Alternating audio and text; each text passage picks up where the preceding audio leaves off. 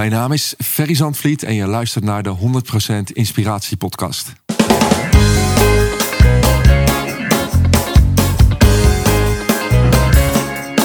Hey, wat goed dat je luistert. Hij staat weer voor je klaar. Je wekelijkse dosis inspiratie is weer daar. De allerleukste gasten geven al hun kennis prijs. Met je veel te blije host, hij praat je bij. Zijn naam is Thijs. Thijs,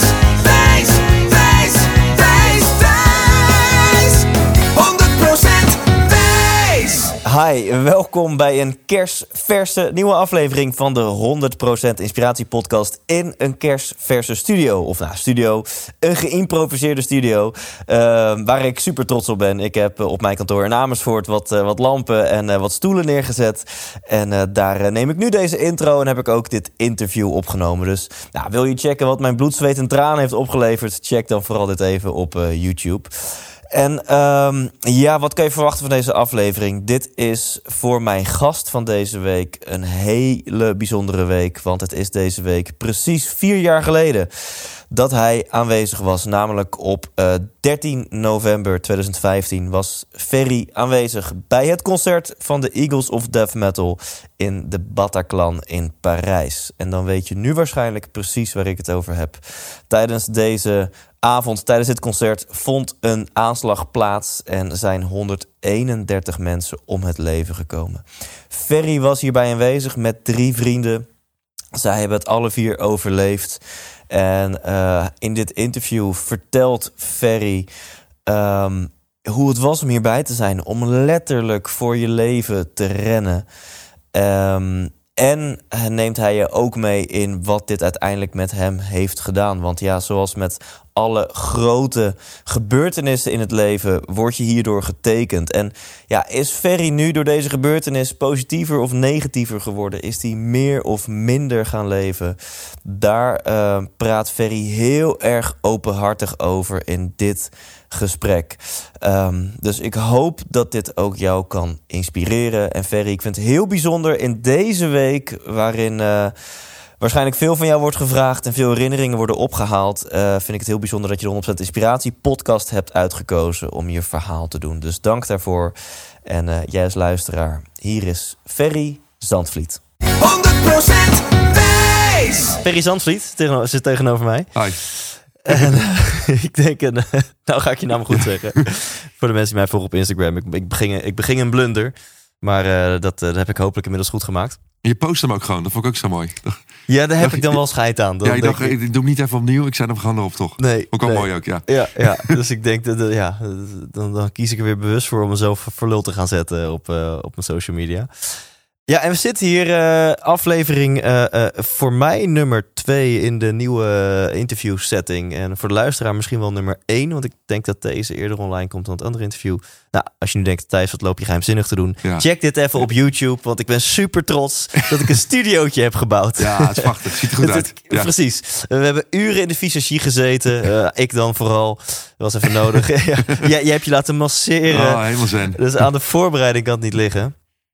En ehm, eh, let's start eh, met, eh, met, gewoon met het begin. En dat is, wat wil je worden als je later groot bent, Ferry? Ja, als je die, nou, er zijn verschillende antwoorden geweest in fases in mijn leven. Als je Ja. die twintig jaar geleden had gesteld, had ik echt geen idee gehad. Ja. Ik was echt een vlierenfluiter. Ehm, als je hem tien jaar geleden had gesteld, had ik gezegd uh, fysiotherapeut. Ben ik toen ook geworden. En als je me twee jaar geleden had gevraagd, dan had ik gezegd fulltime spreker. Ja, dat ben ik nu ook geworden. Ja, En als je hem nu aan me vraagt, dat doe je nu, eh, dan, eh, dan vind ik hem heel moeilijk. Dan, zeg ik, dan zou ik zeggen, nou, als dit het blijft tot mijn pensioen, dan ben ik heel erg blij. Want ik heb nu echt het Ja. leukste werk dat ik ooit van mijn leven heb gehad. ja, dus van fysiotherapeut naar spreker, naar het realiseren van het worden van spreker. Ja, En eh, was je dan ook fysiotherapeut, vier jaar geleden? ik was eh, fulltime fysiotherapeut. Ik stond op het punt om misschien in te gaan kopen in een maatschap. Daar Ja. werkte ik een tijdje, want ik wilde niet voor een baas werken. Dat had ik op een gegeven moment wel ontdekt. Dus ik was op een praktijk, praktijk een jaar. Zou ik daar blijven werken om een beetje te kijken van... nou, is het een plek die bij mij past? En dan zouden we gaan onderhandelen over... eh, nou ja, wat moet je dan betalen voor dat aandeel? Ja. Ja, en toen ging ik een avondje stappen. Ja, want ik zei het op Instagram, jij houdt van death metal, dat is op zich ook waar. Hè? Nee, Ja. niet van death metal, maar Oh, van metal. Ja. Wel van metal. ja, de bandnaam die... eh, Precies, want ja, Eagles of death metal, maar die maken ook niet eens metal. Het is Nee, gewoon rock, rock. rock, ja, easy rock, ja. Ja, precies. Eh, dus die, die verwarring is er, maar desondanks hou jij ook van, van metal. Ja, Eh, stevige muziek hou ik. Stevige ja, muziek. Met de gitaar en een drumstijl. Ja, en, eh, ja. ja, nou ja, same hier. We zijn allebei drummers, dat is ook nog eens leuk. Hey.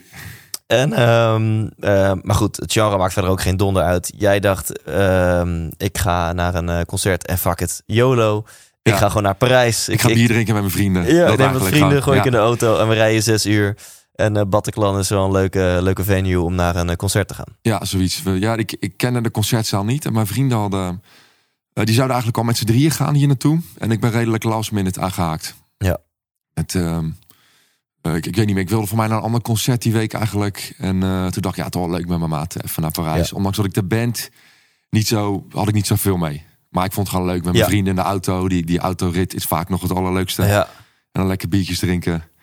Ja, en eh, dit is eh, voor de mensen die zeg maar als, als, als vaste luisteraar dit interview meteen luisteren op de dag die online komt. Voor die mensen is dit zeg maar overmorgen, is het vier jaar geleden. Want Ja. dit interview komt online op een maandag, eh, namelijk eh, 11 november. En eh, op, op, op vrijdag 13 november 2015.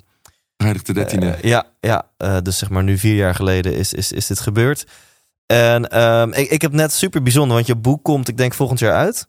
Ja, hij is nu bijna af, eindelijk. Ja. Ja. ja. Dus hij zal in 2020 uitkomen. Ja, ja, zo, dan, eh, dan echt wel. Ja, precies. En ik, ik ben net de eerste die, de die, die een paar pagina's van het boek heeft mogen lezen.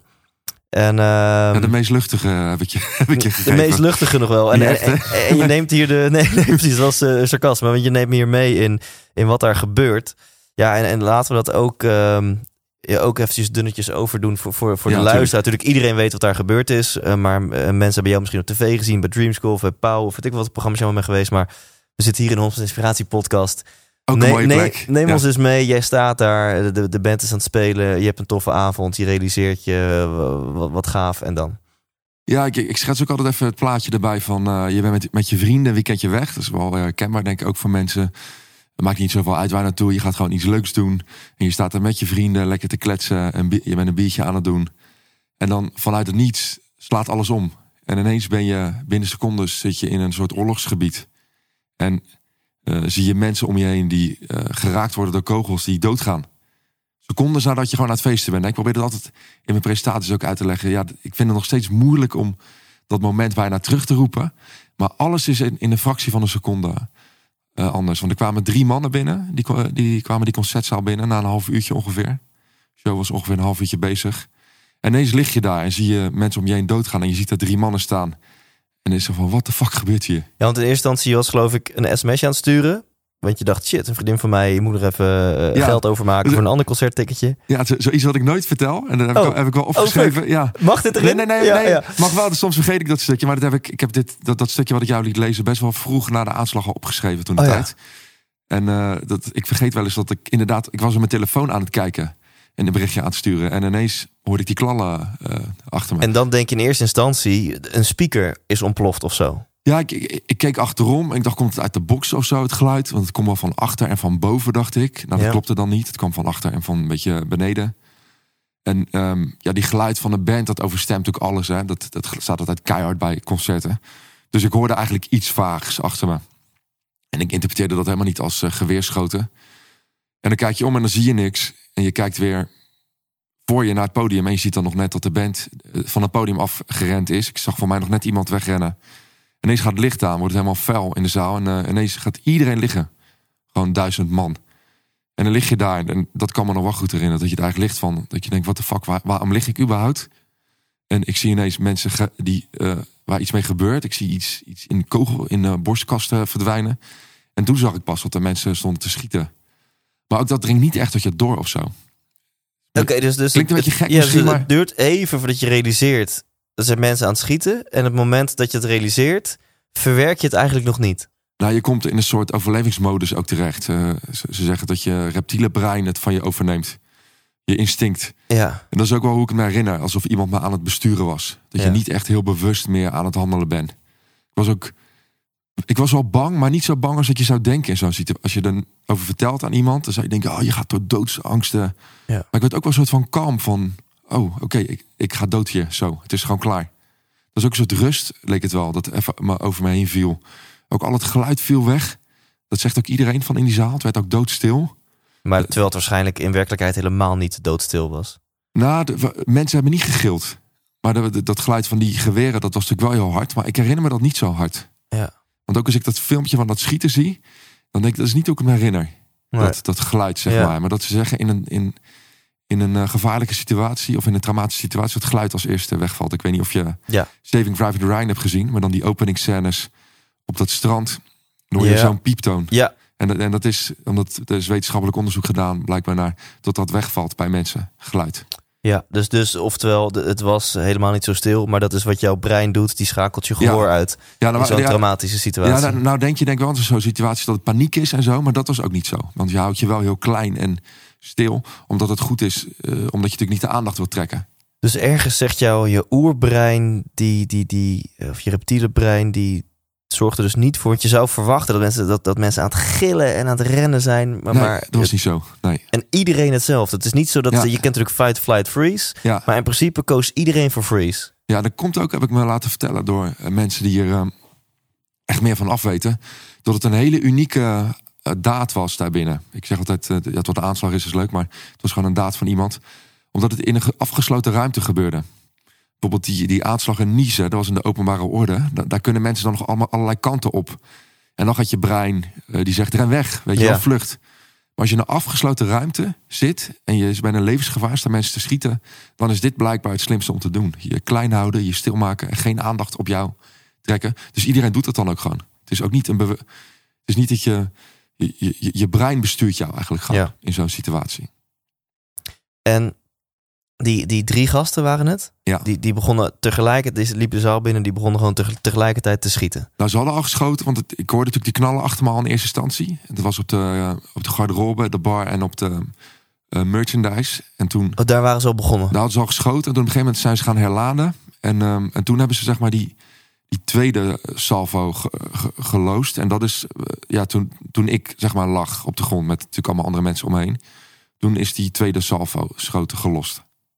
En dit is gewoon puur een loterij van op, op de plek waar je stond in de zaal Ja, bepaalde of jij een kogel ging vallen of gevangen of niet. Heel random was, is dat geweest, ja. ja. En ik weet nou niet of we op je wel of de niet goede plek hebben gestaan. Maar we zijn natuurlijk ontsnapt, gelukkig. Maar ehm, we stonden ook bij een uitgang, bleek. Dat wist ik op dat moment nog niet. En dat, dat is ook een plek waar ze op losgegaan zijn in eerste instantie.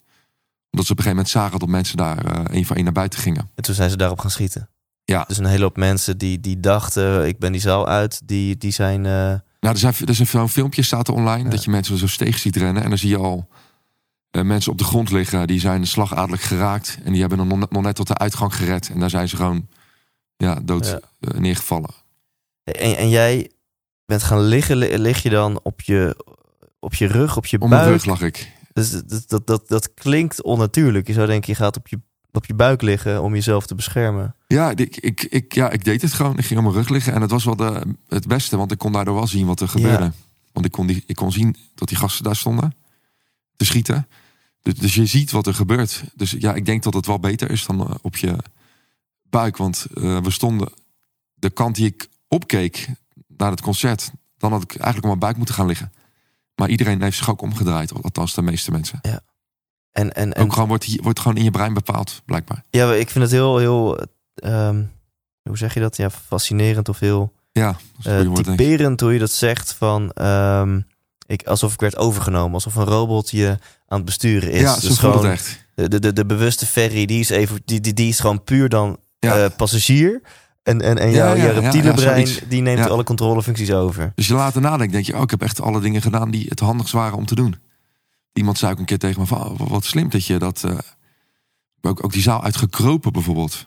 Niet gaan staan. Ja. Dat iemand zegt, oh, wat, wat slim dat je bent op je rug bent gaan liggen en dat je bent gaan kruipen. Zeg, nou, ja, je hoeft, ik ben er niet heel erg trots op, want ik heb het niet bewust gedaan. Nee. Het is gewoon, je doet gewoon iedereen na ook. Ja. Eigenlijk, denk ik. En, en in, in, in eigenlijk eh, onverklaarbare kalmte. Want je zou denken dat je, dat, je, dat je gestrest bent. Maar je zegt eigenlijk in een bepaalde kalmte. had je een moment dat je dacht: dit is, dit is het einde. Ja, ik, ja, en toen bleef ik heel rustig en stil. Bleef ik gewoon liggen, deed ik helemaal niks meer. Echt dat bevriezen. En zo'n cliché van je ver- leven flitst aan je voorbij. Dat kan me ook echt nog herinneren. Zo'n hele heldere herinnering van. Maar het sloeg op een gegeven moment wel over in wel een soort paniek. Toen ehm, mensen door hadden, oké, we kunnen ontsnappen hier. Want ik dacht ook in eerste instantie van die uitgang is waar die gasten staan. Daar kan ik niet naartoe, want daar staan ze te schieten. Ja. Maar blijkbaar was het natuurlijk een nooduitgang eh, achter mij. Ja. En toen, ik dus, toen mensen door begonnen te krijgen van oké, dan kunnen we naar buiten. Toen brak er wel paniek uit. Niet qua schreeuwen, maar wel mensen gewoon in elkaar gingen duwen. En ook iedereen ging kruipen. En, en bleven ondertussen die gasten doorschieten? Of was Ja. na een tijdje de munitie op? Ja, er was even een moment dat ze stopten met schieten. En op een gegeven moment zijn ze gaan herladen. En eh, de- de- toen, na, na dat herladen en ze gingen schieten, toen kwam de menigte een beetje in beweging. En, en, en ik ben gewoon, ja, die mensen, de menigte gaan volgen. Gewoon, Ja. geen idee waar naartoe. Maar ik dacht, oké, ik, kruip maar mee met iedereen. Op handen en knieën. Ook dat deed iedereen. Niemand ging eh, staan. En op een gegeven moment zie je eh, een deur. En ik wist nog niet dat hij naar buiten ging. Toen heb ik ook echt als een ehm, idioot echt... Ja, heb ik ook gewoon iedereen opzij gaan duwen. Ik, ik kreeg ook allemaal trappen in mijn gezicht. En ik heb ook mensen weggetrapt. Maar dat is gewoon, ja... Ook je, je overlevingsinstinct. Ieder voor zich is het gewoon Ja. op zo'n moment. Ja. Ja, daar voel je er later nog eens een beetje schuldig over. Dat je denkt, jezus, dat ik eh, zo, zo bot gewoon voor mezelf ben gegaan. Ja. Dat je niet naar je vrienden hebt omgekeken. Maar ja, dat hebben ze ook niet naar mij gedaan. We zijn ook niet boos op elkaar of zo. Weet je, dat is gewoon het beste om Ja. te doen. Als je de hele tijd gaat hangen op zo'n situatie, dan, nou, dan ga je aan. Ja, dus gewoon alles wordt zwart en je hele systeem neemt het over. Focus weg hier, daarin levend dan- hier uitkomen. Ja, ja. En, en dit bleek een deur naar buiten te zijn. Ja. Is, is, het, is het dan... eh, het is één moment heb- zit je al bijna in de acceptatiefase van... nou, dit was hem. Ik Ja, ga eraan. ja, ja, ja, echt 100%. en het ja. andere moment zie je het licht, letterlijk. Heb je dan als je buiten staat zoiets van... Ik, ik, ik heb het overleefd. Of, of eh, van, ik, ik heb, ben de dood ontsnapt of zo. Nee, dan nog niet echt. Maar wel, ehm, nee, ik was buiten ook nog wel bang, weet ik nog. Ik naar buiten rende. Omdat ik, ik ook dacht, dadelijk eh, rennen ze achter ons aan of zo, weet je wel. En ik kon ook echt het schieten horen toen ik naar buiten rende nog. Dus nee, ik was buiten echt niet... eh, niet eh, ik voelde me niet veilig. Het heeft echt lang geduurd. Want ik ben heel ver weggerend. Met, Je een, bent, ja, dat kan eh, met een groepje mensen. Ik dacht, weg hier gewoon, vandaan. ja, gewoon die hele straat Gewoon, uit. hup, weg, zo ver mogelijk als ik kan. Ik kon twee kanten op, links of rechts. En links keek ik... ehm, ehm, dat, die, die, het was een hele lange steeg. En naar links was het heel kort na een kruispunt. En ik zag daar, als ik, terwijl ik naar links keek, zag ik daar ook mensen naar buiten komen. En ehm, ehm, wel wat, eh, allemaal drukte in de verte. En ik dacht, ik wil daar niet naartoe. Dus ik ging naar rechts, want daar leek het redelijk rustig. En ik ben daar gewoon gaan rennen met nog een groepje mensen. En op een gegeven moment kwamen we op een pleintje uit waar ook helemaal paniek, paniek was. En ik, ik had echt geen idee wat ik moest doen. Ik liep daar buiten en ik was al twintig jaar niet in Parijs geweest. Ik spreek de taal niet. En maar van alles gaat het door je hoofd van wat de fuck is aan de hand? En Klopt het ook wel, dacht ik nog, wat ik heb gezien. Gaat het concert niet gewoon door? Heb ik het wel echt gezien, die, die mensen die dat schieten? Dat gaat ook, weet je, als een sne- in de Ja. sneltrein vaart door je heen. Dan op een gegeven moment ben ik een bar ingerend. En zelfs in die bar dacht ik nog, ah, dadelijk rennen ze hier naar binnen. Ja, Maar toen begon iemand in het Frans te roepen van... eh, er is geschoten in de buurt. En eh, zijn aan- aanslag werd voor mij al heel snel geroepen. En toen hebben we daar zitten schuilen met een groepje mensen. Want die, die, dus hebben ze alle lichten uitgedaan in dat eh, barretje. het was echt? heel druk. was gewoon, mensen waren daar aan het eten. Oh, echt? en, dus eh, dus, dus die, die, die, die mensen van die bar, die hoorden soort van jullie verhaal. Die was iets van, laten we het zeker voor het onzekere nemen. We doen hier even alle nou, lichten het was uit. echt zo'n moment. eh, want ik weet nog, we stonden voor mij met een mannetje of vijf... in dat, midden in die tent. We renden eerst de keuken in. We werden heel snel uitgetrapt. En iemand begon iets te schreeuwen. Ja, ik spreek geen Frans. Maar toen zag ik echt mensen die, eh, die echt een bestek lieten vallen... en de handen voor hun mond deden. Zo van, wat zeg je nou, weet je wel? Van, dit, dit, mee- dit geloof ik niet. Ja. En hij stond wel, ja, ja, ik hoorde echt zo beamen van, ja, attack, Paris en eh, dode mensen. Dat, dat had ik nog wel uit zijn verhaal. En ja, we zaten ook onder bloed van anderen. Dus mensen gingen ons ineens een beetje bekijken. En zo van, holy fuck, dit is echt. En ze stonden al een beetje op scherp in die buurt. Omdat die Charlie Hebdo-aanslag was ook redelijk daar in de buurt. Dus daar was ik echt paniek gewoon eh, Ja. ineens. En niemand durfde naar buiten. Hij deed de lichten uit ook bij hem binnen. En toen hebben we in een heel klein kamertje op zolder daar... hebben we daar het nieuws eh, aangezet. En toen gingen mensen op Twitter kijken. Toen kwamen daar al heel snel berichten binnen. Ja, toen was ik even... Toen- even, even heel... toen- kwam ik even op adem. Zo Toen- van, ja, daar durfde pak. je een soort van te ontspannen in. eh, Volgens mij kan ik hieraan ontsnappen. Of volgens mij ben ik ontsnapt. Ja, ik was niet ontspannen, maar wel, want ik was mijn vrienden natuurlijk wel kwijt. Daar dacht ik wel ineens aan van fuck, ik was, eh, waar, zijn mijn maten, weet je wel. En er was wel een vrouw die zich een beetje begon te ontfermen over mij. Een verpleegster bleek dat te zijn. En die had wel zoiets van, ik moet die jongen even eh, die, die even de armen om me heen. Ze van, oh, gaat het? En eh, kan ik iets voor je doen? En ik weet nog, zei van, ja, ik weet niet waar mijn vrienden zijn. En toen zei ze, ga, ga, ga ze even bellen. Dus zij vroeg toen aan die bar-eigenaar van... ehm, mag hij even in een kamertje alleen? Die bar, hij woonde boven die bar. En hij probeerde iedereen in één kamer te krijgen. Wat ik ook wel een beetje begrijp natuurlijk. Dat je niet wilt vreemde mensen in je slaapkamer wil hebben-. Maar zij zei wel van ja, maar hij, is, hij was in die concertzaal net. En eh, hij weet niet of zijn vrienden nog leven. En toen mocht ik wel even in een klein kamertje even ehm, alleen zijn. Even mijn vrienden bellen. Toen heb, ik- heb ik ehm, een van mijn maten gebeld. Even zo van, what the fuck gast, ben je oké, waar zit je? En hij ook zo, what the fuck, ben jij oké? En ik zei, ja, ik, ben, ik zit in een bar. En hij zei, ik zit hier in een, eh, in een huis met heel veel mensen. Hij was bij die steeg, had hij gelijk, aan, had gelijk om de hoek aangebeld bij mensen. Heel dichtbij. Ja. En ik had weer zoiets van, ik moet ver weg. Ja, dus we zaten ja. best wel ver bij elkaar uit de buurt. En hij zei wel van, eh, ik krijg Bob niet te pakken. Ik zeg, oh, ik ga, ik ga hem wel bellen. En nou, ik kreeg hem ook niet te pakken. En toen sprak een van mijn maten over de WhatsApp. Van die kon niet meer bellen blijkbaar, want zijn telefoon was eh, helemaal plat gedrukt. En hij zei ook, waar is Bob? Ik krijg Bob niet te pakken. En eh, ja, ik zeg, ja, ik, krijg- ik weet het niet. Hij neemt niet op.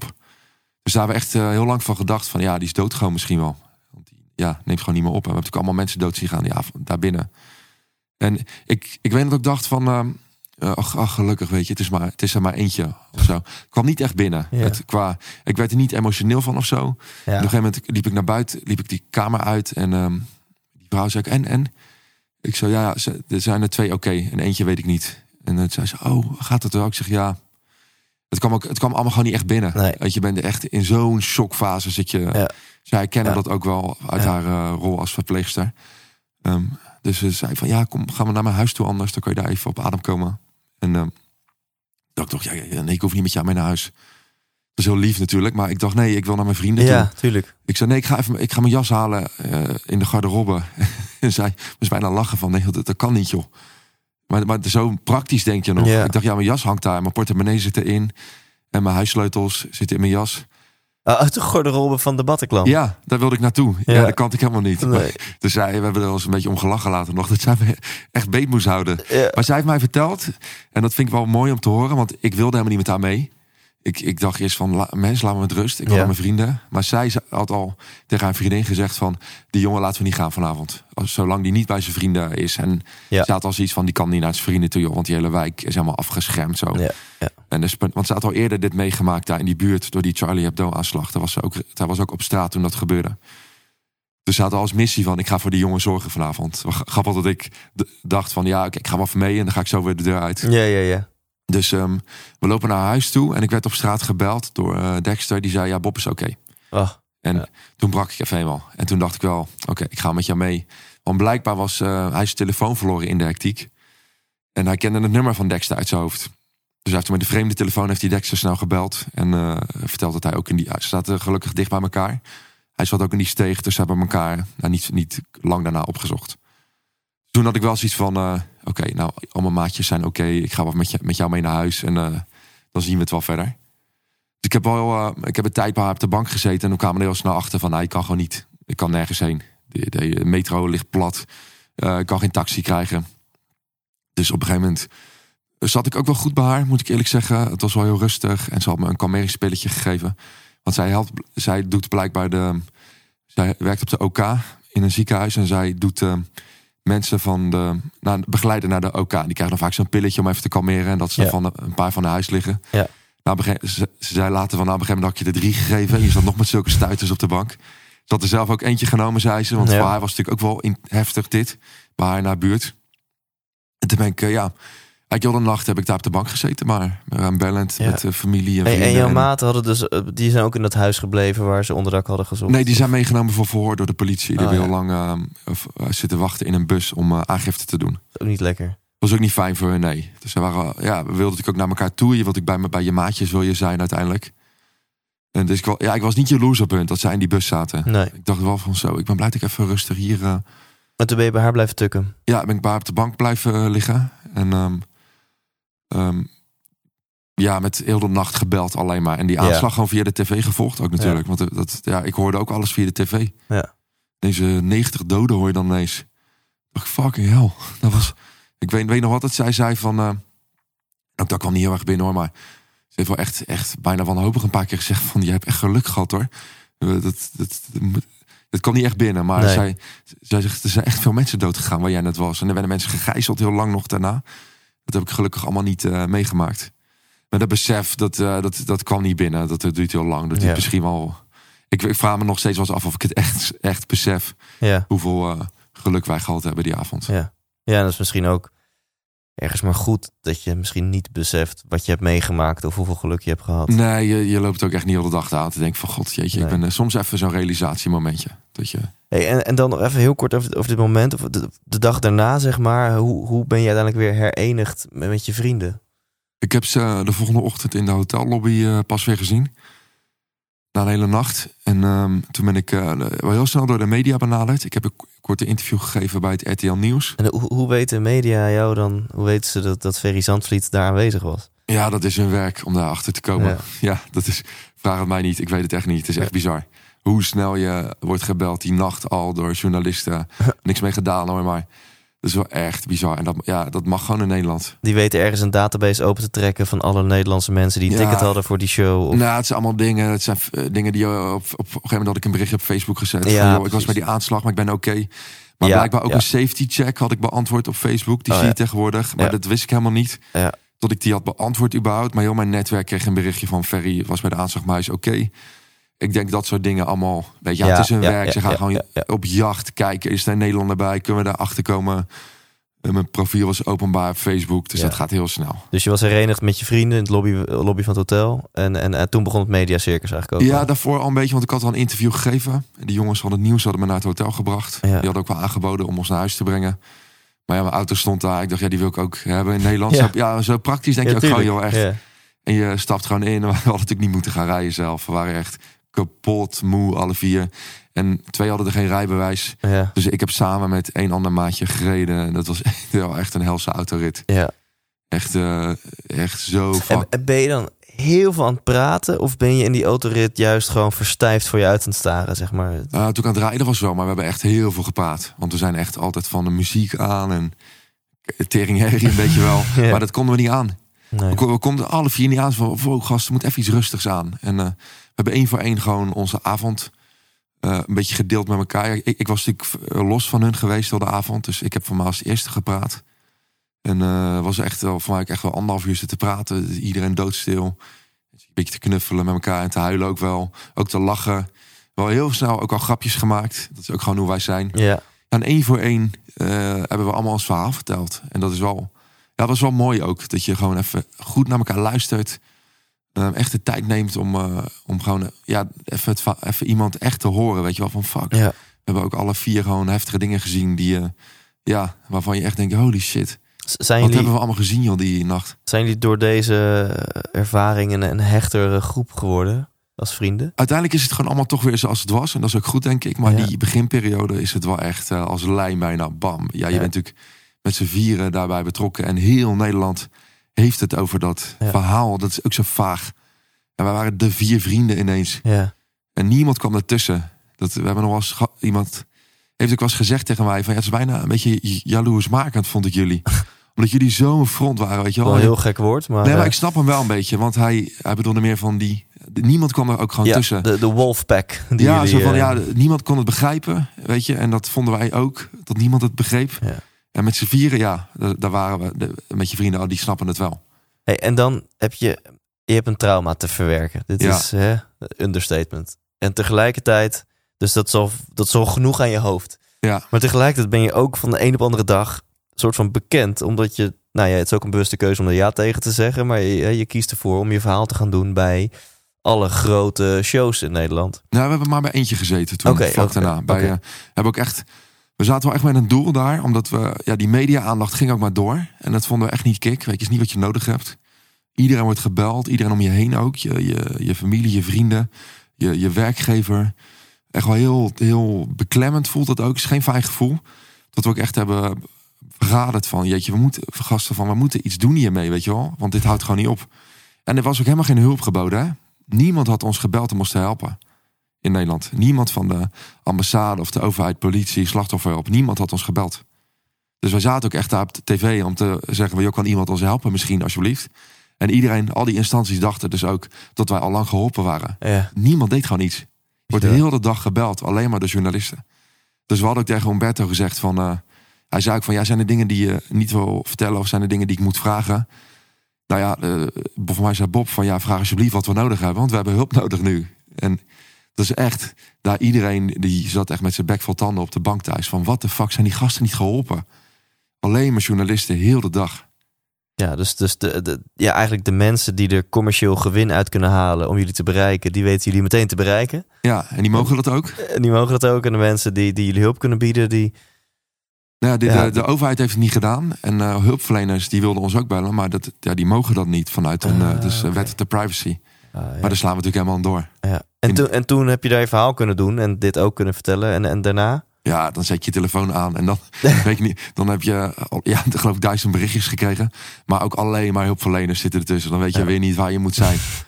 Maar goed, de hulp kwam wel op gang daardoor. Dus dat was wel eh, het was een mooie ervaring om daar te zitten ook. Hey, en was het voor jouw proces eh, fijn of storend dat je ineens eh, overal werd herkend? Ja, een beetje gemengde gevoelens. Kijk, ehm, ik ben blij dat we daar hebben gezeten die eerste keer. Want als ik daar niet had gezeten, had ik nu ook niet hier gezeten. Het heeft, eh vertel ik straks wel iets meer over nog, maar Ja, het heeft wel heel veel in werking gezet Ja. uiteindelijk. Ik vind niet dat de media eh, de plek is om je trauma te verwerken of om hulp te vragen. Ehm, maar dat herkend worden daarna, het was ook wel fijn soms, geef ik eerlijk toe. Want het waren soms ook gewoon hele fijne gesprekken die je met wildvreemden had. Dat je gewoon werd geknuffeld op straat. Keer gehad op de Dam in Amsterdam. Een hele grote Surinaamse vrouw me echt bijna doodknuffelde. Van ah, kom even bij mama. Zo. ja, Dus ja, dat, dat is gewoon heel tof. Is dat. Maar ook ehm, mensen die ons allemaal dingen gingen aanbieden. Van oh, we hebben een vakantiehuisje met een auto. Die mag je gebruiken. Hebben we niet aangepakt Ja. hoor. Maar dat was wel heel, ja, heel lief en fijn. Of Ja. eh, je hoeft niet, we kregen dinerbonnen van de restaurants. Of hoefde niet af te rekenen. Ja, dat heel Nederland was bekommerde om- zich om ons. Ja.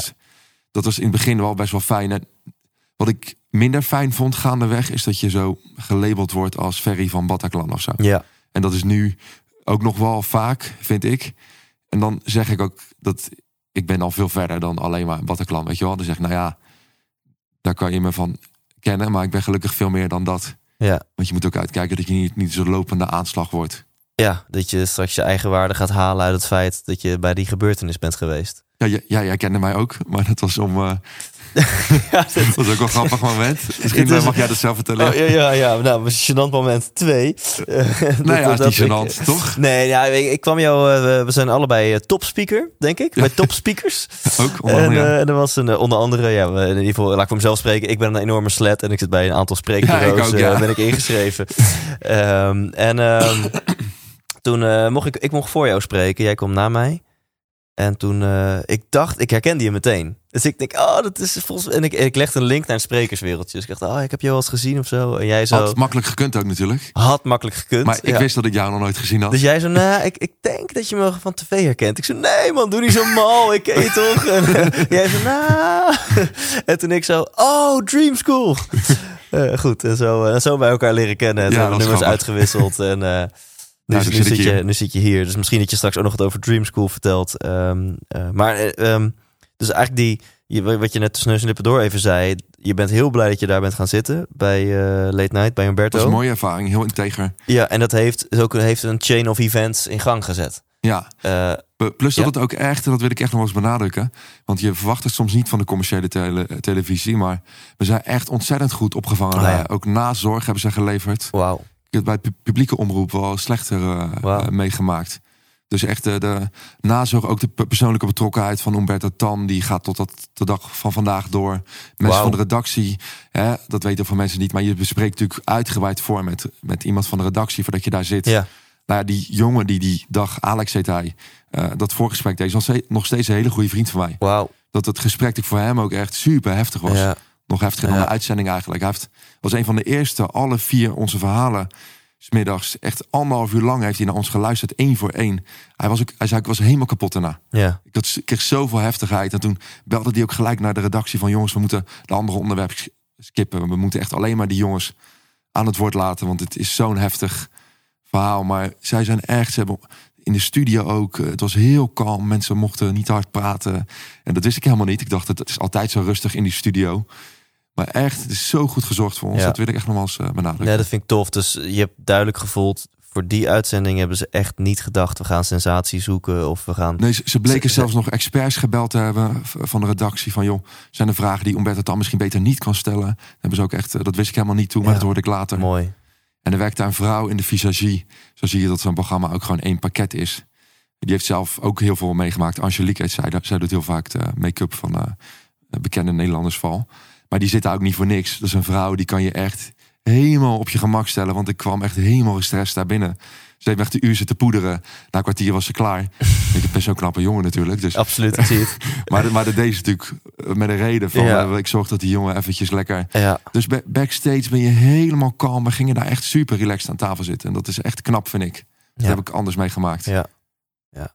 En uiteindelijk... ehm, dit, heeft, dit, dit heeft uiteindelijk een rol gespeeld in jouw nieuwe ambitie...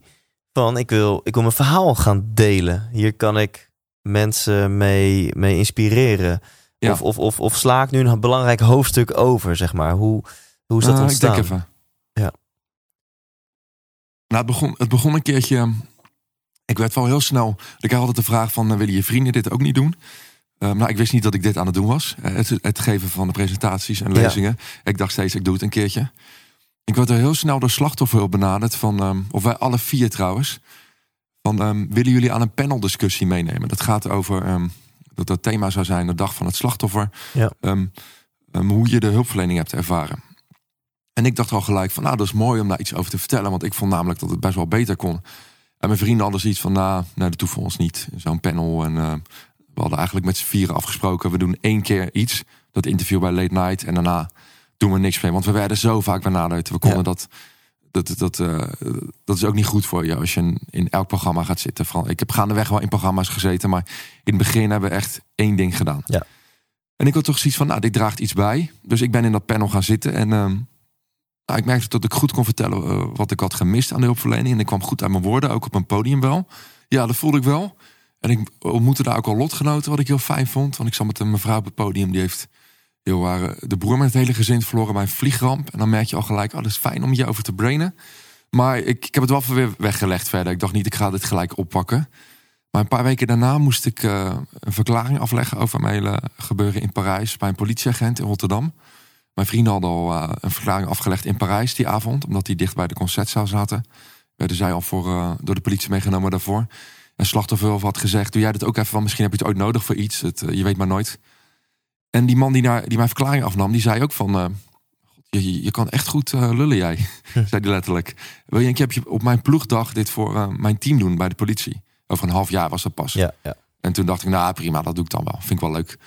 Nou, toen die datum dichterbij kwam, dacht ik, holy fuck, je hebt helemaal geen zin in, joh. Voor een groepspreker vind ik doodeng, dat kan ik helemaal niet. En hè, dat, dat had ik mezelf ook vroeger wijs gemaakt. Van, ik kan helemaal niet voor groepen praten, want nou ja, ik deed het ook nooit. Maar nu moest ik echt een presentatie gaan geven. Dat is toch anders dan Ja. een paneldiscussie waarin je zit met allemaal andere mensen Ja. bij je. Maar ineens moest ik met een microfoon in mijn eentje. Ik dacht, nou, dat durf ik nooit. Ja. Dus ik zei ook van, nou, ik, weet- ik zeg, ik weet niet hoor, ik vind het toch wel eng toen het dichterbij kwam. Nou, het had het een beetje voorbesproken. Het zei hij, joh, ik zet een Chesterfield neer op het podium. Kom ik naast je zitten. Je kan het helemaal uitwerken. Schrijf het gewoon helemaal uit. En als je even de draad kwijt bent, dan neem ik het wel over. Dus het was een hele veilige setting. En dat was natuurlijk helemaal niet nodig. Ik heb gewoon mijn verhaal eh, verteld. En er was niks, er zat helemaal geen inspiratie in nog. Het was heel bruut en bot, mijn verhaal. Al die Mhm. ellende. Iedereen was doodstil. Maar ik kreeg wel een staande ovatie. En ik merkte wel dat ik wel dat vertellen me wel goed afging. En dat zeiden mensen ook in de zaal van, joh, je moet, je, je moet er wat mee doen, want je kan echt goed vertellen hoor. En eh, er zat ook iemand in de zaal die zei van, joh, kan je bij mij een keer je verhaal komen doen? En dat was eh, een, half, een half jaar later. En die week daarna kreeg ik een aanvraag voor een eh, TED-talk. Voor drie kwart jaar later. Ja. En er zat ook een soort coachingstraject bij. Ja. Daar moest ik auditie eerst nog wel voor doen. En toen, eh, toen dacht ik, nou, het is allemaal nog ver weg. En dit voelde wel, die, toch die eerste prestatie voelde wel kick. Ja. Ik dacht, wauw, dit is wel gaaf dit. En ik dacht, nou ja, misschien is het leuk om dit af en toe te doen. Gewoon, weet je, nog helemaal niet. Ja. Hier ga ik uit mijn werk van maken.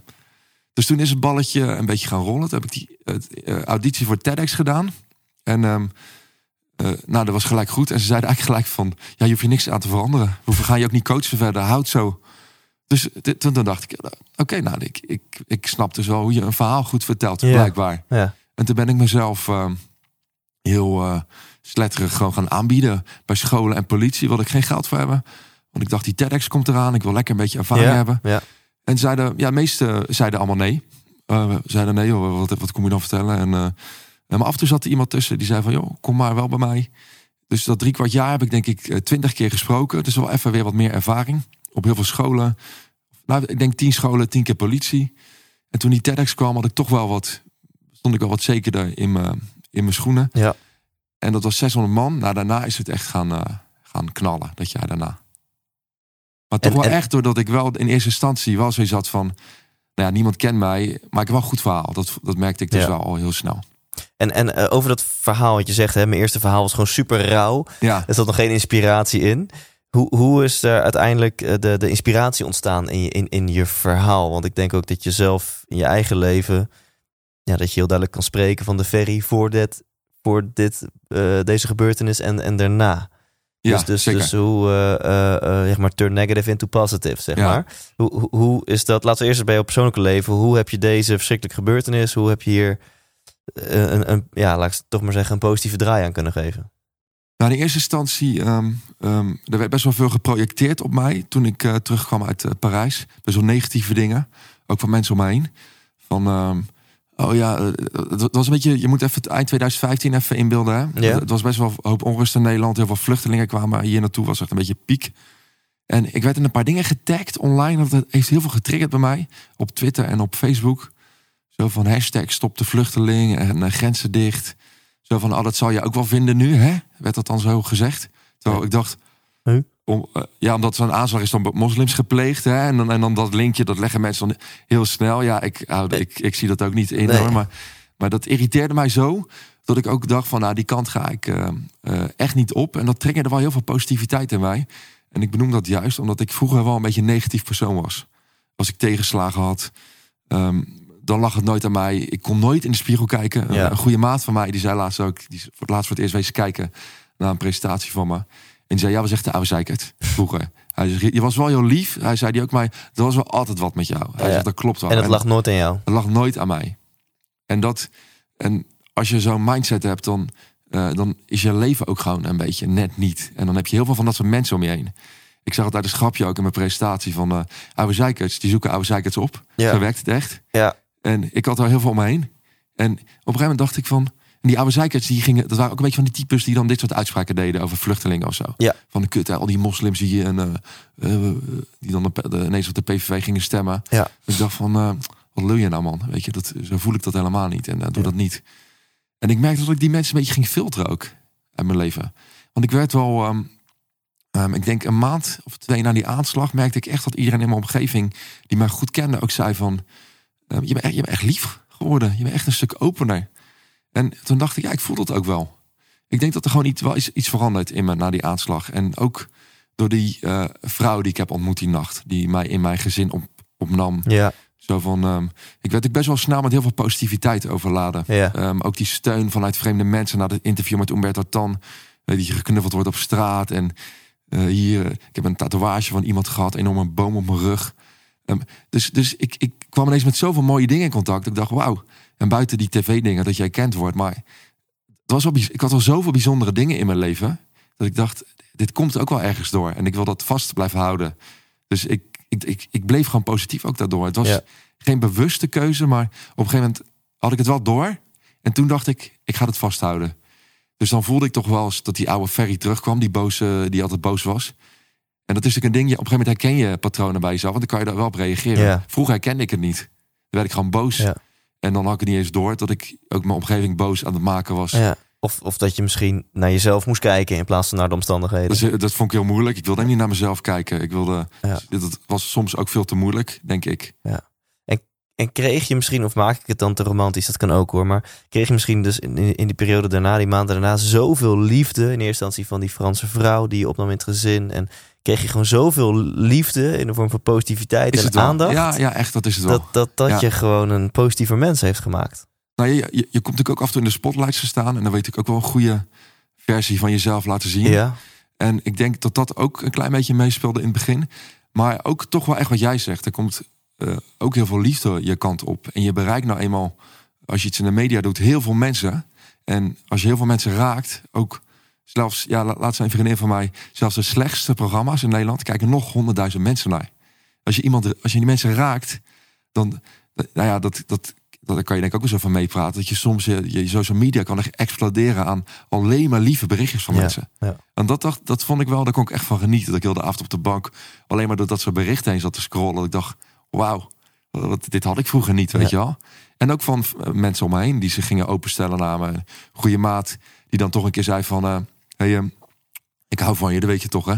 Weet je, je zegt dat nooit. Maar Ja. dat dacht ik echt zo van, wauw, dit, Ja. dit had ik vroeger niet. Dus dat wilde ik ook wel echt Ja, vasthouden. en dat is de wisselwerking. Hè? Als jij opent, ja, dan ja, openen mensen zich ook sneller. ja, je, je, je so- sociale omgeving is eigenlijk gewoon een spiegel van Ja. wie jij bent. Ja. Eh, de, de meeste mensen.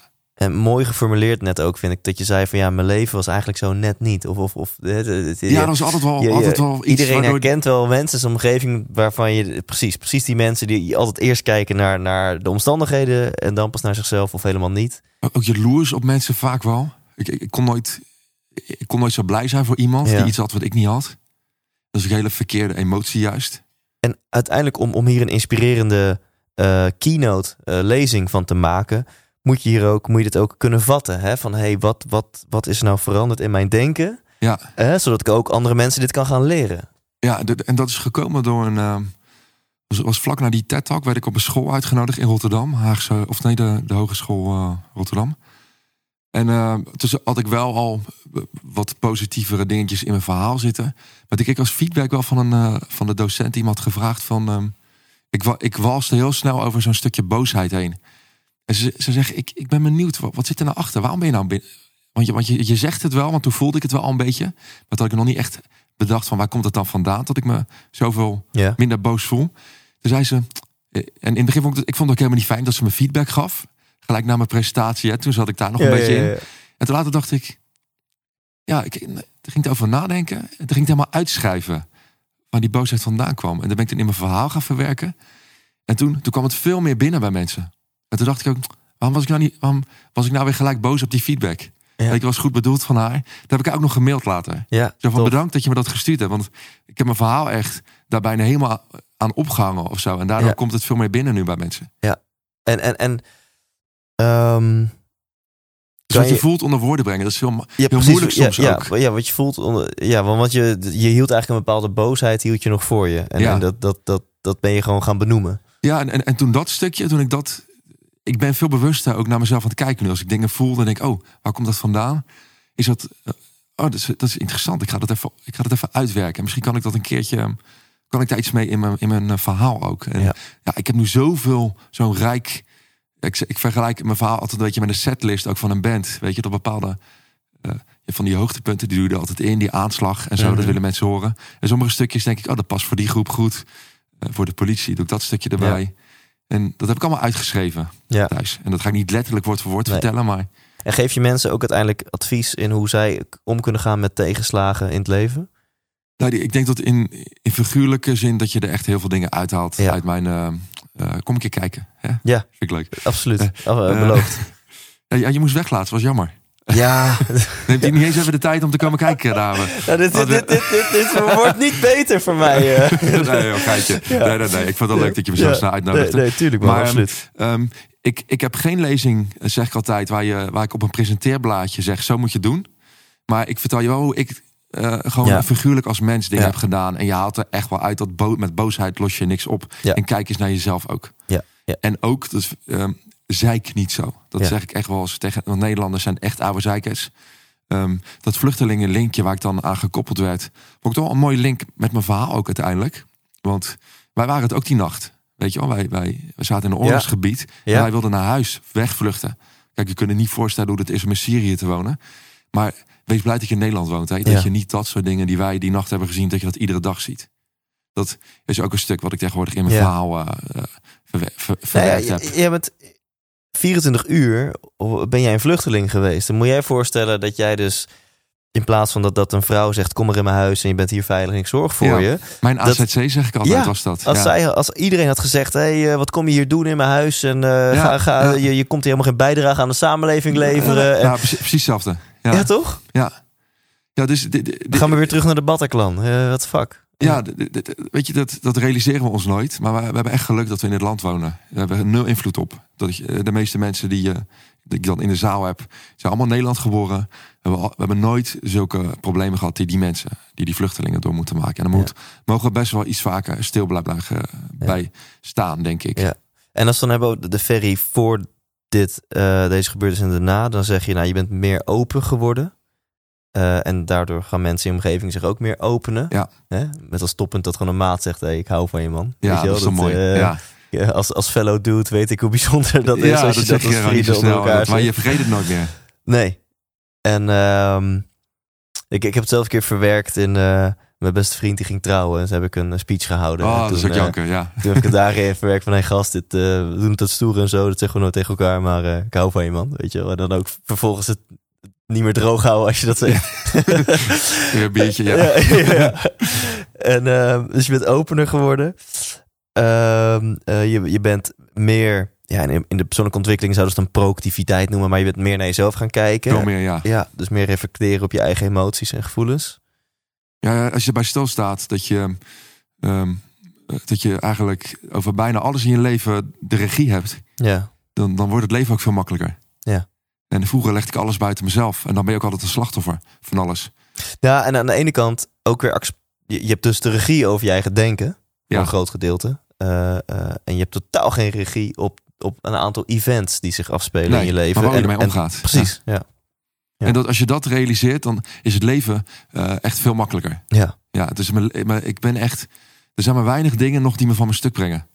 Ja. Vroeger ook als, als er iets gebeurde, ik had een lekker band met mijn auto, weet, de wielen bekeuring op de mat. Oh, handen in je haar. En Ja. waarom over me komt mij dit nou weer? En ja, ik ben zo blij dat ik dat niet meer heb. Het is Ja. Zo rustig is dat. Het is eigenlijk, je hebt dus totaal geen regie op wat er gebeurt. Dus dat moet je Ja. loslaten. Ja, Maar je, ook. hebt- je hebt fucking veel regie op hoe jij er vervolgens mee omgaat. En Ja. ik denk dat heel veel mensen het omdraaien. Die willen controle uitoefenen op de omgeving. Dat maakt heel krampachtig en dat verzuurt. Nare en- mensen zijn dat vaak. Ja. En, en, en die vergeten dat... en, en die hebben totaal geen... Neemt totaal niet de regie over hun eigen denken. Eigenlijk niet. Nee. Ja. Die hoop je, ja, je hebt het natuurlijk ook met jouw verhaal, die hoop je natuurlijk een beetje te kietelen. Zo van, hey, Ja. joh, doe nou niet, zo jammer. Ja. Je hebt maar één leven. Het is, ook zo, het is echt afgezaagd, maar we hebben maar één leven. Het is dadelijk, op een gegeven moment, we zijn bijna op de helft al. Oud ben jij? Ik ben 31. Oh nee, jij, jij hebt een derde. Nou, ik ben ik ben niet dat je er oud uitziet, dat wil ik Ja, niet. ja. Nee, ik, ik snap het. Ik ben zo wijs. Daarom... eh, Ja, ja, ja. Ja, dat is het. Maar nee, ja, Maar dat, ja, hoe oud ben jij? 41. Ja. En, eh, ja, het is al ja, tegen de helft aan, weet je wel. En het had over kunnen zijn. Eh de beste tijd hebben ze heb, heb ik misschien nog gehad, weet je wel. Ja. Dus, dus eh, zeik niet zo, alsjeblieft, mensen. Maak er wat leuks van, geniet en ehm, kijk wat meer naar jezelf. Hey, en, en kun je, als we het hebben over de, de, de ferry voor en na, eh, we, we hadden het over open, jezelf openstellen, eh, heel erg kijken naar je eigen eh, regie, eh, eigen emoties en, de- en je invloed daarop. En kun je er nog iets aan toevoegen? Zijn er nog meer dingen die, die veranderd zijn in jou? Ehm, nou, ik, ik, ik, ik, ik, ik, ben sneller tevreden ook wel, denk ik. Ik denk dat ik eh, altijd wel op zoek was naar dingen die je dan, waarvan je denkt dat het je, waarvan ik dacht dat het me gelukkiger zou maken. En nu kijk ik veel meer. Ik ben nu gewoon heel erg tevreden Ja. met wat ik heb. En ik kijk veel minder naar wat ik niet heb. En eh, dat, dat is ook wel een groot verschil. Ik, ik, ik ben gelukkiger. Ja. Vooral. Ja. Dan toen. Ja. En dat is gek dat je er zo'n gebeurtenis voor nodig hebt.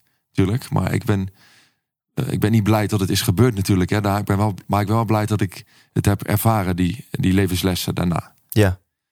Dus dat vooral.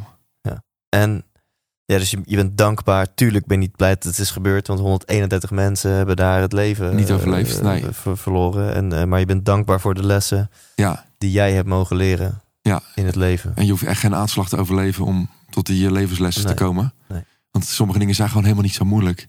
Je kunt soms ook gewoon niet zeiken. Of Nee, niet boos Nee, zijn. precies. Ja. En uiteindelijk zijn die daders gepakt. Is een identiteit bekend. nou, er is de, de, Oh. er maar eentje gepakt. Er is maar eentje die het overleefd heeft. Ja, Anderen zijn allemaal dood. ja. Ja, dus die, ja, precies. Eh, eentje heeft het overleefd en die is al gepakt. Die zit in de gevangenis nu in eh, Brussel. Ja, en, en waar ik naartoe wil is... Toen heb jij besloten om met familieleden... om die op te zoeken van de, een van die daders. Ja, van eentje die overleden is. Sammy heet hij. Ja, En ehm, zijn vader was de gast bij Late Night. Dat had ik gehoord. En eh toen hebben we zelf de redactie benaderd. Van joh, kunnen we hem eh, misschien eh, ontmoeten? backstage. En was hij eerst een beetje sceptisch over, want hij was bang dat we boos waren misschien. Want heel veel mensen boos op hem zijn Mhm. om, door wat zijn zoon heeft gedaan. En toen hij hoorde dat wij gewoon hem wilden leren kennen, ben ik samen met Bob, een van die andere jongens, ehm, hebben hem ontmoet. En het was best wel hectisch toen, omdat er ook een uitzending was.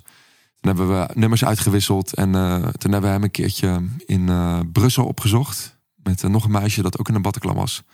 Zijn met hem uit eten gegaan. Ze hebben gewoon gepraat met hem. Van, ja, we wilden gewoon zijn verhaal horen en vooral dingen over zijn zoon wilden we graag horen. En ja, dat is toch een ander verhaal dan dat, dan dat je denkt van tevoren. Het was gewoon een normale jongen die een goede jeugd heeft gehad. En toch op een gegeven moment verkeerde keuzes heeft gemaakt. Ja, want de nummer één vraag lijkt me dan van, van wist je dat je zoon dit soort ideeën had? En wist je dat je zoon een extremist was? Dat wist En- hij. En daar heeft hij ook alles aan gedaan om dat te voorkomen. Hij heeft, de overheid, heeft, de- hij heeft zijn paspoort in laten nemen. Hij heeft de overheid ingeschakeld. Iedereen was ervan op de hoogte. Maar het is hem toch gelukt om naar Syrië af te reizen. En om zich aan te sluiten bij eh, IS. En toen was hij natuurlijk ja, off the radar. Er kon niemand hem meer vinden. Ja. Dus zijn vader wist dat. En die heeft alles aan gedaan om zijn zoon eh, op het juiste pad te Ja. houden. Maar het is hem niet gelukt. Dus dit is ook wel, denk ik, in de categorie... ik ontmoet de vader van de dader misschien het beste wat je kan horen. Want als die vader zich ook maar enigszins eh, associeert met, met, met het gedrag van, van, van zijn zoon... eh, dan, dan was het misschien een andere ontmoeting geweest. Ja, maar de- ik had al wat dingetjes van hem opgezocht. Hij had al vaker interviews gegeven. En ik had wel door, dit is een eh, intelligente man. Ja. bleek een filmmaker te zijn, spreekt zijn talen goed, heel over heel de wereld gewerkt en gewoond. Dus het is niet een, eh, een man uit de achterstandswijk waar, waar, waar- waarbij je misschien nog denkt, nou die kids hadden niks om handen, maar die jongen, zijn zoon had ook een goede studie, die, die eh, hij genoot een goede studie. Maar door verkeerde vrienden, zegt zijn vader. Hij ging Ja. met verkeerde jongens om. En in een, in een beruchte moskee in Parijs ging die eh, naar zo'n eh, beruchte imam, werd hij echt door gespoeld. Had zijn vader ook een keer meegevraagd van, joh, je moet een keertje mee, want eh, het is echt, echt tof daar, had hij gezegd. En zijn vader had al gelijk gezegd van, jongen, dit is niet goed wat hier gebeurt hoor. Mhm. Dit, dit- hier moet je wegblijven. Dit is, dit is slecht wat die mensen in je hoofd eh, prenten. Maar hij is helemaal gehersenspoeld, die jongen. Want hij heeft niet, want je zou denken dat, dat dit een, een daad uit wraak is. Weet je? Dat, je, dat, je, dat je door, als jou zelf pijn wordt aangedaan, dat je dan extremist kan worden. Hoor je omdat vaak, je, ja. ja. Eh, Maar dit klinkt niet alsof die, deze, die Sammy zo'n, zoiets heeft meegemaakt. Die is gewoon gehersenspoeld door, door, een, ja, ja door de- deze de- groep. Ehm, zijn vader zegt dat hij op een gegeven moment met andere jongens in contact kwam door die eh, moskee. En toen is hij op het eh, verkeerde pad geraakt. En toen heeft hij hem langzaamaan helemaal zien afglijden. Hij liet zijn baard ineens staan. Ging echt van die eh, traditionele kleding dragen. En op een gegeven moment was hij gewoon weg. Helemaal uit het oog. Wat heeft het met jou gedaan? En heeft het voor jou een rol gespeeld in, in, in jouw proces om hem te ontmoeten? Nou, een, een van de vele dingen die geholpen, even, eh, die, die geholpen hebben. Ehm, ik ontmoet graag eh, lotgenoten van die avond. Die iets met die aanslag te maken hebben. Nou, dat is hij ook, vind ik. De meeste mensen die ik heb ontmoet waren allemaal in die Bataclanzaal. Maar nu een keertje eh, ja, iemand die eh, zijn... Ja, zijn zoon is ook overleden in die zaal. Toch? Of van een hele andere orde natuurlijk.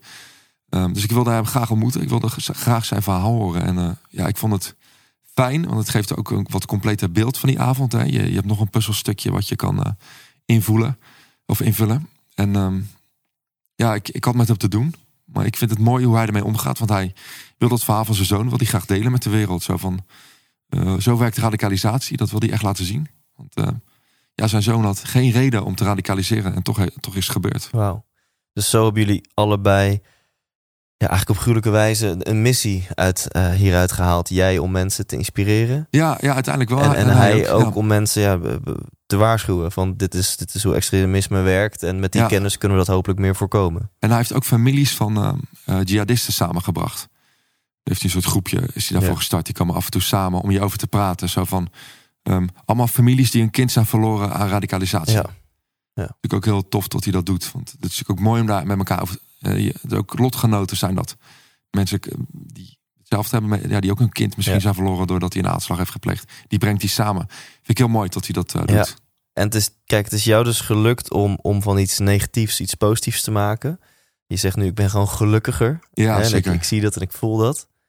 Ehm, dat lukt helaas niet iedereen. Nee, Eh, gelukkig maakt niet iedereen zoiets verschrikkelijks mee. Maar helaas lukt het niet iedereen om zijn negatieve herinneringen om te buigen naar, naar positieve toekomst, zeg maar.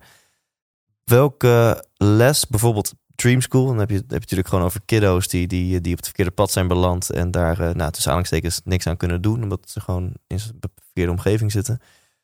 Uh, dus hoe, hoe probeer jij mensen te inspireren om ook uit een negatieve gebeurtenissen gewoon iets positiefs te halen? Het ligt natuurlijk een beetje aan wat er aan de grondslag ligt. als je echt iets dramatisch hebt meegemaakt, of dat je gewoon altijd boos bent op de wereld. Kijk, als je echt iets heftigs hebt meegemaakt, bijvoorbeeld die kids in Dream School, probeer ik een beetje mee te linken. Want die, de meeste die daar aan mee hebben gedaan, komen uit gebroken gezinnen, waar soms heftige dingen zijn uh, uh, gebeurd. Uh, ik kom zelf ook uit een familie die. ik, op een hele jonge leeftijd gingen mijn ouders scheiden. Vond ik heel traumatisch, vond ik dat. Dat op mijn 17 in ja. één keer heel mijn ja. gezin uit, uit, elkaar lag. En ik, ik zocht toen mijn hel in drugs. Ik ging, was een beetje in de gabbertijd. ik ging ineens heel veel, heel veel naar gabberfeesten heel veel ecstasy en speed gebruiken. Maar als ik nu terugkijk, was gewoon een jongen die aan het vluchten was voor.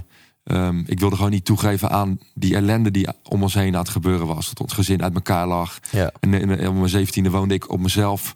Voor mezelf een hele toffe jongen. Dat ik mijn eigen huis had. Maar eigenlijk um, miste ik heel erg een gezin om me heen. En om dat niet te voelen, ging ik in de drugs. Ja. En die Dream School kids hebben allemaal een beetje uh, die, zaten allemaal, die zitten nu allemaal een beetje in die slachtofferrol. Daarom hebben ze aan dat programma mee gedaan. In die slachtofferfase. Alles buiten zelf geplaatst. Ja. En ik ging er toen zo mee om. En toen die aanslag gebeurde, dacht ik... ik ga niet weer zo in die slachtofferrol kruipen. Want dat deed ik vroeger heel erg. En dat wilde ik de juist aan hen laten zien van... joh, zo deed ik het toen. En dit was toen het resultaat. Dat ik alleen maar bozer en alleen maar boze mensen omheen. Nu heb ik een aanslag overleefd. En ik blijf positief. En nu heb ik ineens allemaal toffe mensen omheen. En ik probeer mensen, probeer mensen altijd een beetje uh, mee te geven van. Um, uh, zoek het bij jezelf ook. Weet je, als je iets, maar als je iets dramatisch hebt meegemaakt, vraag hulp. Maar zoek het ook bij jezelf. Dat is toch echt wel de hoofdboodschap. Ja. Probeer niet te boos te zijn. En tuurlijk ben je boos als je een aanslag hebt overleefd. De boosheid moet er ook uit. Die boosheid. Tuurlijk, ik was fucking boos. Heel mijn leven lag overhoop. Mijn werk zelfs op een gegeven moment kwijtgeraakt. Ik was op iedereen boos ook. Maar het moet er even uit. Maar je moet dan ook uit die slachtofferrol. Ja. Ja. En heel veel mensen vinden dat moeilijk. Omdat je en ik heb dat ook gemerkt aan mezelf in het begin hoor. Maar je kan je hele identiteit bouwen om één tegenslag. Je krijgt ook heel veel aandacht. Ja. En aan aanslag krijg je, weet je hoeveel aandacht je krijgt. Maar uiteindelijk is het niet de aandacht die je wil. Want je wordt de oude zeikert. En dan denken mensen, komt die oude zeikert weer? Weer dat kutverhaal. Ik kan niet meer aanhoren. Ja. Maar ja, het is er ook fijn als je misschien niet zoveel aandacht krijgt. Normaal gesproken kan je natuurlijk ook daar wel heel erg lekker op gaan. Terwijl ik heb gemerkt, als je positief omgaat, krijg je ook aandacht. En dat is veel leukere aandacht. Dan zeggen mensen, wauw, wat knap dat je mee omgaat. Ja, dat hoor ik ook nu dagelijks. Niet om tof te doen, maar dat na presentaties, dat is hartstikke leuk ja. om te horen. En ja, het is zonde als je in, in het Engels hebben ze een mooie term daarvoor. Dan kan je, uh, when you victimize yourself, dan, dan beperk je jezelf echt. En dat is Ja. echt zo zonde van je leven. Als fysio moet ik altijd aan een mevrouw denken die een nieuwe knie zou krijgen. En die deed net tegen mij alsof ze ongeneeslijk ziek was. Ik dacht, mevrouw, het is vervelend, een nieuwe knie. Je moet onder het mes. Maar er is geen beter land om een nieuwe knie te krijgen. Dus het is even vervelend. Je hebt misschien even wat pijn. Maar kom op, het is niet het einde van de wereld. En na die aanslag durfde ik dat soort dingen soms ook wel tegen mensen te zeggen. Toch even die spiegel voor te houden. Want ik vind de grootste klagers in Nederland. Er zijn echt wel mensen in Nederland die ook heftige dingen meemaken. Waar je echt wel over mag klagen. Maar de grootste klagers, de, de oude zeikers in Nederland. Die hebben niks om over te klagen. Dan denk ik van, ik, ik gun je geen aanslag. Maar ik gun je wel even, misschien eens een keer een tegenslag. Dat je eens een keer ziet wat, Ja. echt, wat een echte tegenslag is. Want eh, heb jij helemaal, ik zeg altijd mensen onderuit gezakt Ja. op de bank met de koelkast vol met eten, allemaal ellende op social media te gooien over Ja, vluchtelingen ja. of over. Met, met pizzadozen op schoot zitten ze te kanker op allemaal- Twitter. Allemaal te bang dat ze zelf in een uitkering gekort worden, die wel ieder potje leegtrekken hier, want ik ken ze ook in Nederland. Niet allemaal, maar die zitten daar ook tussen. Ja. En je Don't- beperkt jezelf alleen maar daarin. Don't victimize yourself. Ja, mooi Ja. woord voor. Mooi woord is dat. Ja, In ja, Nederland, absoluut. ja, de- in Nederland is er niet een woord dat die lading is- dekt, vind ik. Ja, de, de, de slachtofferrol. Maar, maar Ja. verslachtoffer jezelf niet. Ja, dat klinkt ook zo. Klinkt dat toch Ja, minder... eh, Ik vind slachtoffer sowieso een beetje zo op het hakblok met een stuk vlees, weet je wel. slachtoffer. Ja, Ja, Ja, ja. maar, ja, ja want dat, dat betekent het. ja. En, en bij slachtofferhulp hebben ze nu ook, noemen ze het getroffenen. Daar krijg ik weer heel erg jeuk van. Het is zo Oh, heel, ja. heel Zeg. Ferry, als getroffenen, hoe gaat Getroffenen het? Ja. onder elkaar. Ja. Maar goed, ja. hang er maar, geef het beestje Precies, maar naam. ik snap. Ja, mensen voelen, voelen echt wel je boodschap, dat weet ik zeker. Ja, En ehm, dus, dus ja, eh, kies niet voor. Het, het, het geeft je ook aandacht als je op de negatieve manier aandacht doet. Het geeft je ook aandacht. Het geeft je op de korte termijn bepaalde mate van verbinding met andere mensen. Maar het is.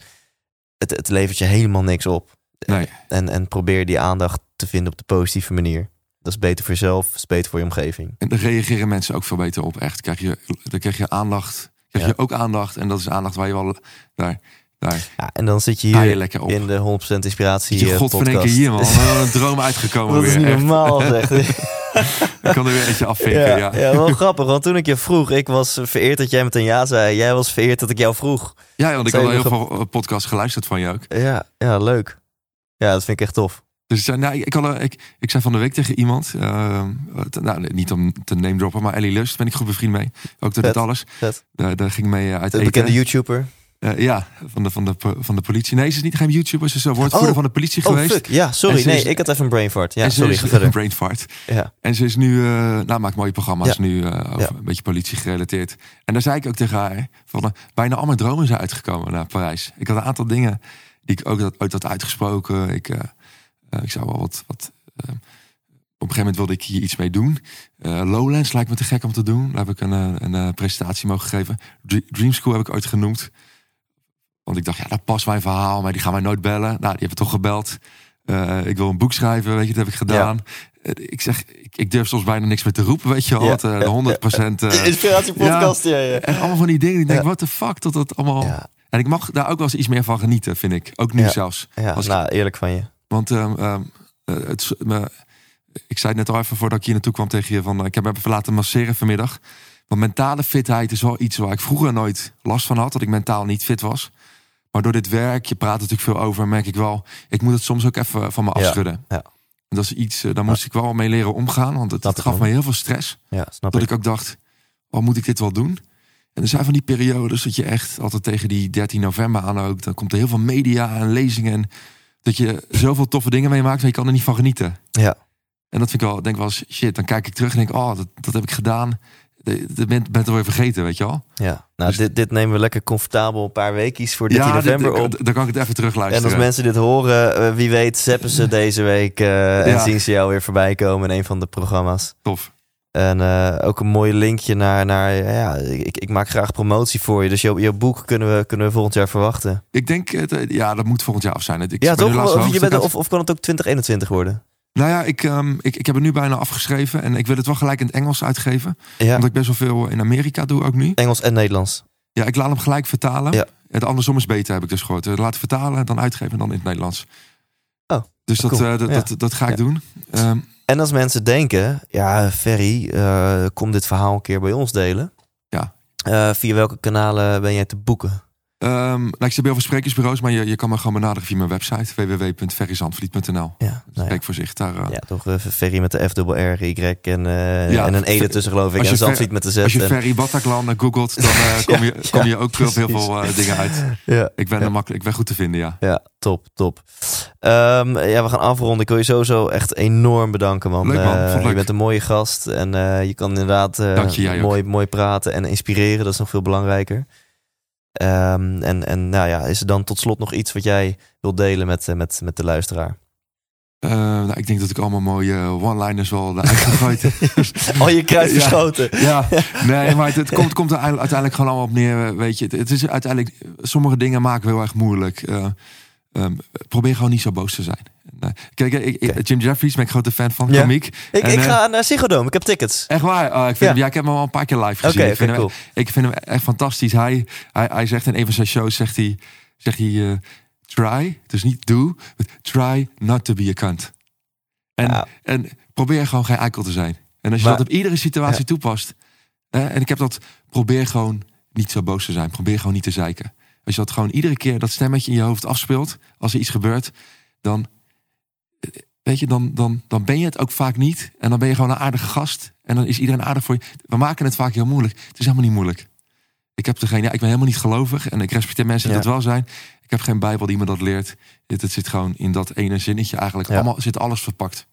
Fantastisch. Try, Ik, try not to be a cunt. Weet Ik vind je, hem echt mooi. ik zit hier met een grijns van oor tot oor, omdat, ik, eh, het, het- omdat je het fantastisch uitlegt. En ik heb eh, ooit een e-book geschreven met eh, de acht grootste inzichten uit, uit dit soort interviews. Eh, ehm, en een van de hoofdstukken heet Try Not To Be A Cunt. Echt waar? Oh, Ja, en oh, ik joh, dacht... fuck, ik heb die ook gelijk, die onthoud ik ook echt van hem zei. Ik dacht, dat is het gewoon. Ja, ja. Try not to be a cunt. En, en dat, dat komt omdat dat hoofdstukje gaat over de gunfactor. Dat al die inmiddels 160 mensen die ik heb geïnterviewd... dat ik denk, ja, fuck, dat is... Ze zijn zo super likable. De meeste mensen die ik interview. Ik denk van, dit, dit moet een algemene deler zijn. Dit is geen toeval. Ja, dat, ja. dat, en nou, dus ik heb één hoofdstukje gewi- gewijd over hoe belangrijk gewoon aardig zijn, de gunfactor is. En dat, nou, toen dacht ik, ik wil een goede titel. En toen quote, ja, ik zet er ook onder. Dus een quote van Jim Jeffries. Oh, lach je, daarom kijk je, want ik zag een grote grijs stuk om ijsvak Ja, gelijk ja, bij. Dat is zo herkenbaar. Mooi.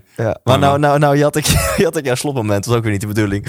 Maar misschien is dat een mooie slotboodschap. Eh, Try not to listeners, people. Ja, dankjewel man. goed, high five. High five. Leuk. Top. 100% wijs!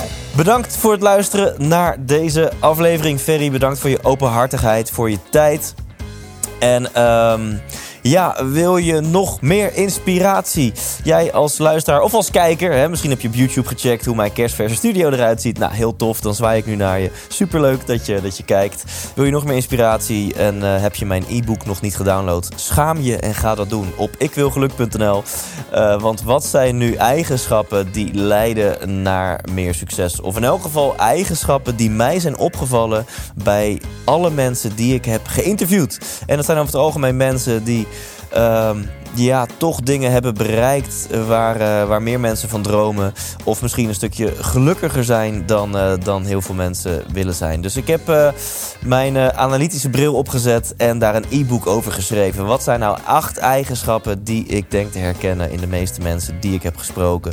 En dat e-book kan je gewoon helemaal gratis en voor niets downloaden op ikwilgeluk.nl. En ehm, ja, als je het nog niet hebt gedaan, bestel ook even tickets voor de theatershow, de 100% Inspiratieshow. Volg mij op Instagram, ik heet gewoon Thijs Lindhout. En tot slot wil je ook een podcast beginnen en eh, wil je weten hoe dit allemaal werkt in zo'n studio met apparatuur en zo, check dan ikwilpodcast.nl, want daar deel ik mijn podcastgeheimen met je. Nou, genoeg promo- promotie dacht ik zo in de outro van deze aflevering. Nogmaals, Ferry, dankjewel. En jij als luisteraar, check deze podcast volgende week. Want dan staat een aflevering met de man die er verantwoordelijk is dat heel Nederland met een dansje opstaat voor je klaar. Namelijk een aflevering met niemand minder dan Giel Belen. Dus check deze podcast volgende week en leef intens.